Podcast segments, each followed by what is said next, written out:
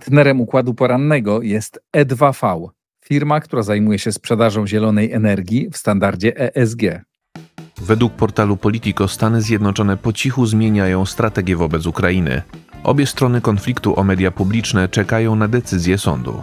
Berlińska policja prosi o nieatakowanie jej w Sylwestra. Rosja grozi Finlandii w razie wybuchu wojny z NATO. Pierwsze pieniądze z Krajowego Planu Odbudowy trafiły do Polski. New York Times pozwał OpenAI i Microsoft za bezprawne wykorzystanie artykułów. Piątek 29 grudnia to jest układ poranny. Michał Ziomek, zapraszam. Zdaniem portalu Politico prezydent Stanów Zjednoczonych Joe Biden wraz ze swoimi sojusznikami zmienia podejście do trwającej wojny na Ukrainie. Celem państw zachodnich nie jest już pokonanie Rosji, ale zapewnienie Ukrainie jak najlepszej pozycji w trakcie ewentualnych rozmów pokojowych. Oficjalnie Departament Obrony USA zaprzecza pogłoskom o zmianie strategii. Rozmówcy Politico przekonują, że w rzeczywistości Ameryka po nieudanej ukraińskiej kontrofensywie planuje przejście ukraińskiej armii do defensywy. Wzmacniane są więc jej zdolności obronne, dlatego między innymi w ostatnim czasie stawiały one przeszkody przeciwpancerne na granicy ukraińsko-białoruskiej. Strategiczne przejście z ofensywy na pozycje obronne ma według Politico wzmocnić pozycję Ukrainy w przyszłych negocjacjach pokojowych z Rosją. Biały Dom jest przekonany, że trwającą wojnę można zakończyć jedynie poprzez wysiłki dyplomatyczne. Na razie nie są jednak planowane żadne konkretne rozmowy. Portal zwraca uwagę na niedawną zmianę retoryki amerykańskiego prezydenta.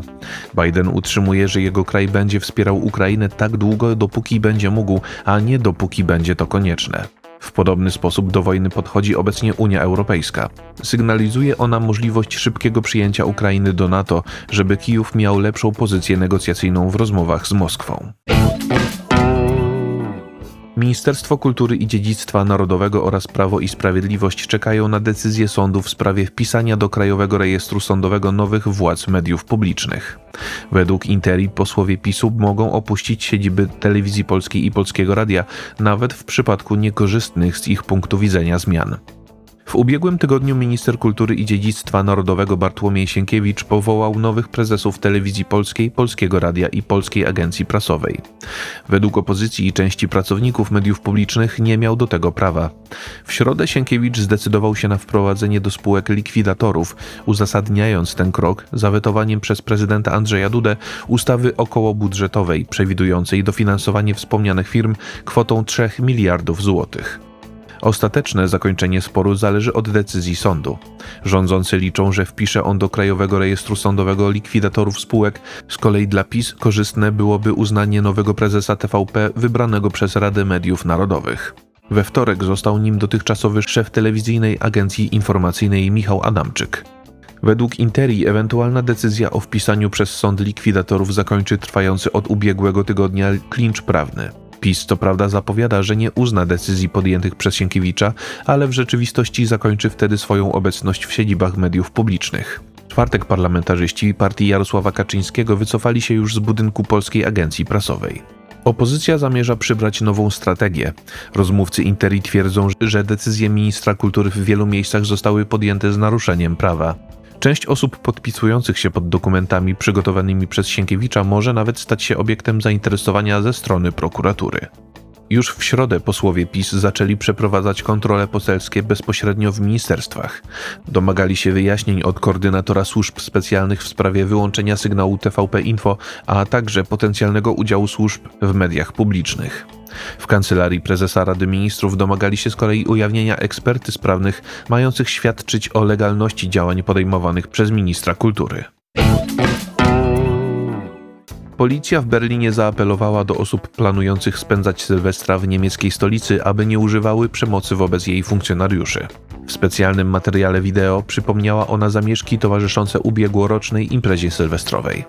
Na profilu berlińskiej policji w serwisie społecznościowym X pojawił się klip z materiałem filmowym sprzed roku. Przedstawia on m.in. funkcjonariuszy ostrzeliwanych fajerwerkami czy płynące barykady ustawione na stołecznych ulicach. Występujący na nagraniu policjanci apelują, aby szanować ich pracę i nie używać wobec nich przemocy oraz petard. Przypomnieli oni również o sankcjach w postaci nawet kilku lat więzienia za podobne ataki. Niemieckie służby są już przygotowywane na noc sylwestrową w Berlinie. Na ulicach miasta ma pojawić się nawet do 2,5 tysiąca policjantów, a część z nich przyjedzie specjalnie z innych krajów związkowych. Funkcjonariusze mają być zaangażowani w ochronę strażaków, którzy w ubiegłym roku także stali się celem licznych ataków. Policja w tym roku obawia się eskalacji zamieszek z powodu sytuacji na Bliskim Wschodzie i radykalizacji nastrojów, zwłaszcza wśród licznej populacji muzułmanów zamieszkującej trzy stołeczne dzielnice. Dziennik Bild przypomina, że w ostatnich miesiącach w berlińskich szkołach i klubach młodzieżowych organizowano spotkania z policjantami. Uświadamiali oni nastolatków mieszkających w trudnych dzielnicach, iż za mundurem i kaskiem też kryje się człowiek. Przed nocą sylwestrową policja rozesłała e-maile do rodziców uczniów, prosząc ich o rozmowy uświadamiające z dziećmi. Czołowy rosyjski dyplomata Michał Ulianow zagroził Finlandii, że ucierpi jako pierwsza w przypadku rozpoczęcia wojny Rosji z Sojuszem Północnoatlantyckim. Skrytykował przy tej okazji podpisanie przez Finlandię umowy o współpracy obronnej ze Stanami Zjednoczonymi. Stały przedstawiciel Rosji przy organizacjach międzynarodowych w Wiedniu powiedział, że Finlandia jest sąsiadem jego kraju, dlatego w razie potencjalnego konfliktu Rosji z państwami zachodnimi ucierpi jako pierwsza. Według Ulianowa poważne wyzwanie dla jego kraju stanowi także coraz bardziej ścisła kooperacja fińsko-amerykańska.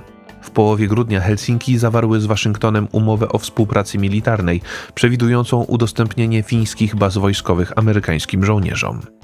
Rosyjski dyplomata twierdzi, że dotychczas jego kraj żył w zgodzie z Finlandią i wciąż postrzega ją jako państwo neutralne i ogólnie przyjazne, ale musiał zareagować na jej przystąpienie do struktur euroatlantyckich. W podobnym tonie wypowiedział się niedawno prezydent Rosji Władimir Putin, według którego wszelkie wcześniejsze spory z Finlandią zostały już dawno rozwiązane. Politico przypomina, że relacje Rosji z Finlandią stały się napięte wiosną tego roku, gdy Finlandia zdecydowała się na przystąpienie do NATO. W listopadzie Finlandia musiała zamknąć swoje przejścia graniczne z Rosją z powodu presji ze strony nielegalnych imigrantów, którym przekraczanie granicy mają ułatwiać rosyjskie służby. Minister Funduszy i Polityki Regionalnej Katarzyna Pełczyńska-Nałęcz poinformowała, że do Polski trafiła już część pieniędzy w ramach Krajowego Planu Odbudowy. Odblokowanie funduszy w połowie grudnia zapowiadali przedstawiciele Komisji Europejskiej. Przed dwoma tygodniami doniesienia o możliwości wypłaty części pieniędzy z Krajowego Planu Odbudowy potwierdziła właśnie Pełczyńska-Nałęcz. Szefowa resortu funduszy i polityki regionalnej ogłosiła we czwartek, że do Polski trafiło właśnie 5 miliardów euro z programu Repower EU. Fundusze z Unii Europejskiej mają zostać wykorzystane przede wszystkim do inwestycji w zieloną energię, dzięki której wspólnota europejska ma uniezależnić się od dostaw surowców energetycznych z Rosji. Ponadto część pieniędzy w ramach inwestycji lokalnych trafi do samorządów, a także do ministerstw planujących konkretne reformy. Na przykład resort zdrowia ma przeznaczyć je na wsparcie szpitali oraz ich restrukturyzację. Pełczyńska-Nałęcz podkreśliła, że harmonogram planowanych zmian będzie musiał zostać zmodyfikowany, bo według pierwotnych planów realizacja inwestycji miała rozpocząć się jeszcze w 2022 roku. Wypłata pieniędzy z Krajowego Planu Odbudowy została zablokowana przed rokiem w związku z zarzutami o łamanie praworządności przez rząd Prawa i Sprawiedliwości. W połowie grudnia kwestia odblokowania środków była tematem rozmów premiera Donalda Tuska i przedstawicieli Komisji Europejskiej. Unijny komisarz do spraw budżetu i administracji Johannes Hahn zapowiedział wówczas znalezienie sposobu na wypłatę Polsce 111 miliardów euro. The New York Times złożył pozew przeciwko OpenAI i Microsoftowi w związku z naruszeniem praw autorskich. Gazeta domaga się wielomiliardowego odszkodowania za wykorzystanie jej artykułów przez sztuczną inteligencję. W swoim pozwie The New York Times zarzuca cyfrowym koncernom przeszkolenie przez nie chatboxa ChatGPT i wyszukiwarki Bing poprzez użycie milionów artykułów opublikowanych przez gazetę.